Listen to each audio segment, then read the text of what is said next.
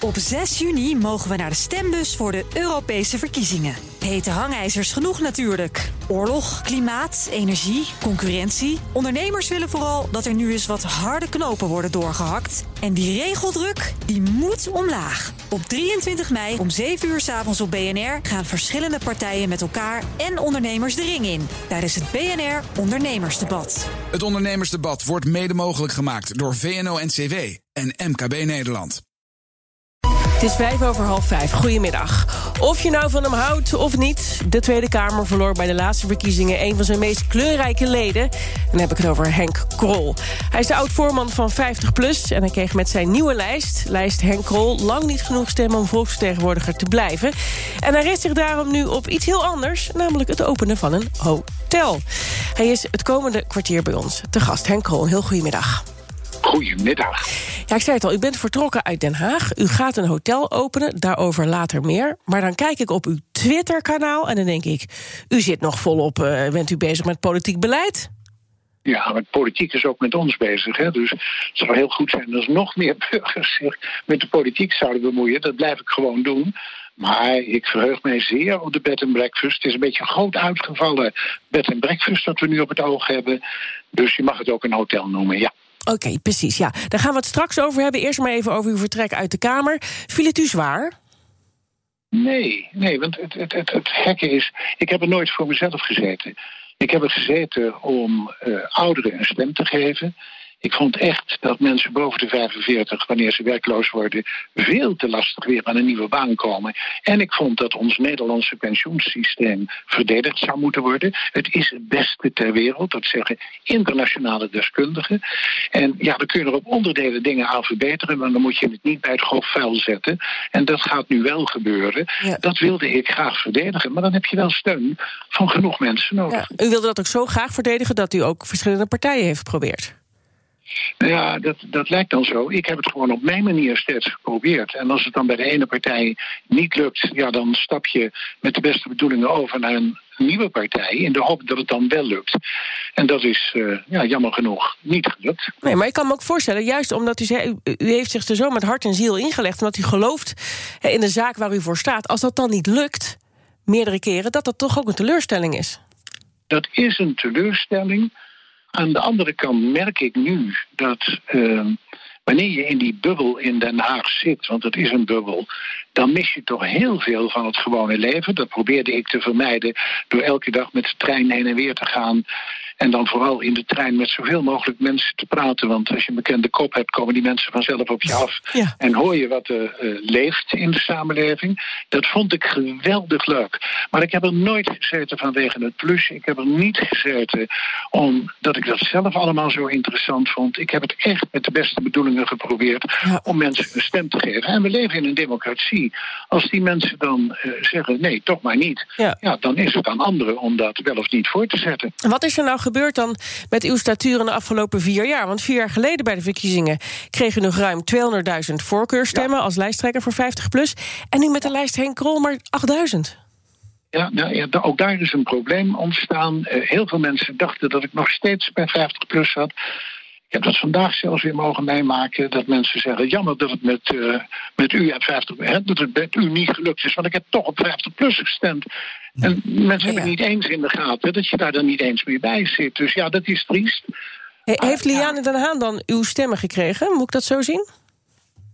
Nou, dat durf ik niet te zeggen, dat weet ik niet. Dat moeten mensen maar eens uitzoeken die er echt verstand van hebben. Maar dat zou ik ook niet eens erg vinden als het zo zou zijn dat Liane de Haan ook het verkiezingsprogramma van 50PLUS zou uitvoeren. Maar ja, uh, het standpunt over de pensioenen is al verlaten. En nu zelfs de rekenrente, die echt makkelijk iets omhoog kan... dan zie je dat de Eerste en Tweede Kamerfractie van 50PLUS...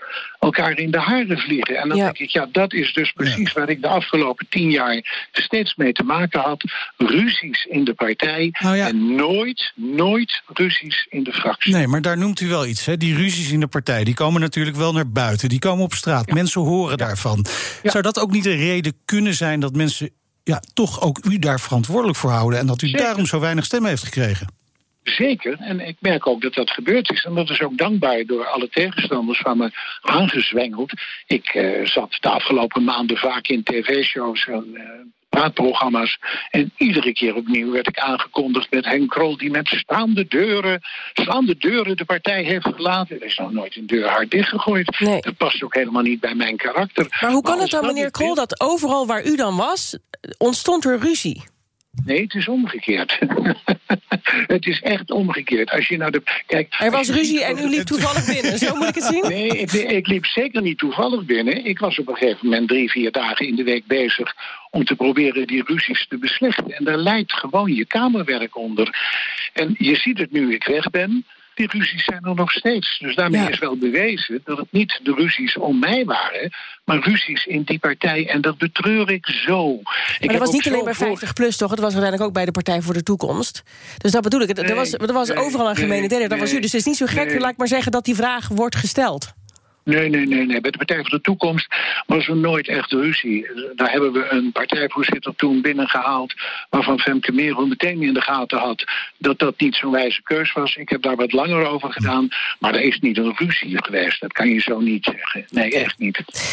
Je luistert naar BNR in de middag. De gast is oud-Tweede Kamerlid Henk Krol. Hij is oud-Tweede Kamerlid. Dat betekent dat hij de Kamer heeft verlaten... en de blik richt op de toekomst. En wij begrepen dat het inmiddels een uit de kluiten gewassen B&B is geworden... noem het maar een hotel.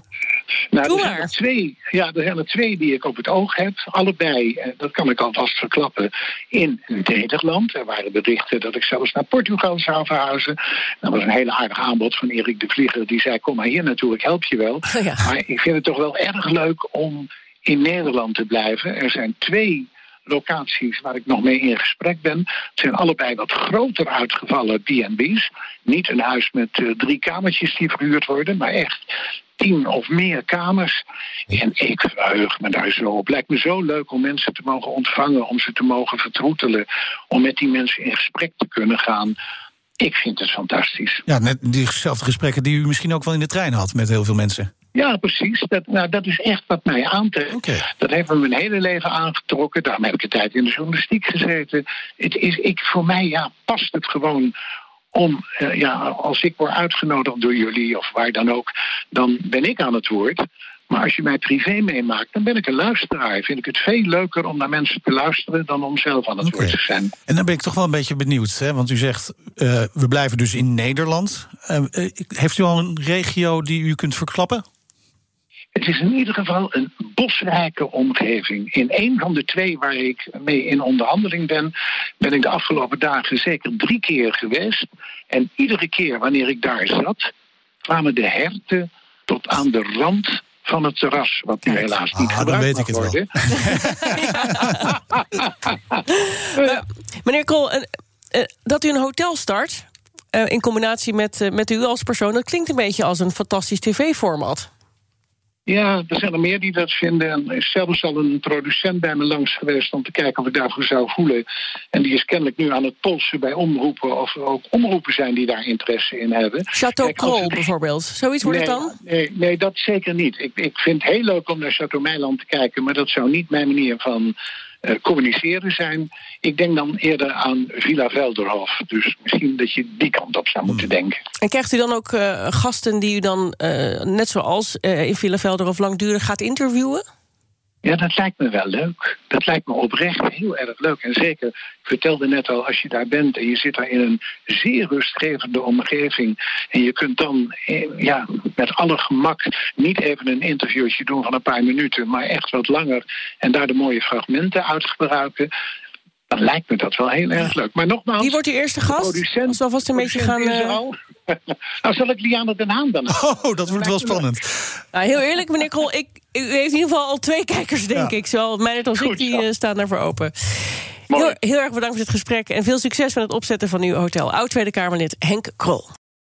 Op 6 juni mogen we naar de stembus voor de Europese verkiezingen. Hete hangijzers genoeg natuurlijk. Oorlog, klimaat, energie, concurrentie. Ondernemers willen vooral dat er nu eens wat harde knopen worden doorgehakt. En die regeldruk, die moet omlaag. Op 23 mei om 7 uur 's avonds op BNR gaan verschillende partijen met elkaar en ondernemers de ring in. Tijdens het BNR Ondernemersdebat. Het ondernemersdebat wordt mede mogelijk gemaakt door VNO-NCW en MKB Nederland.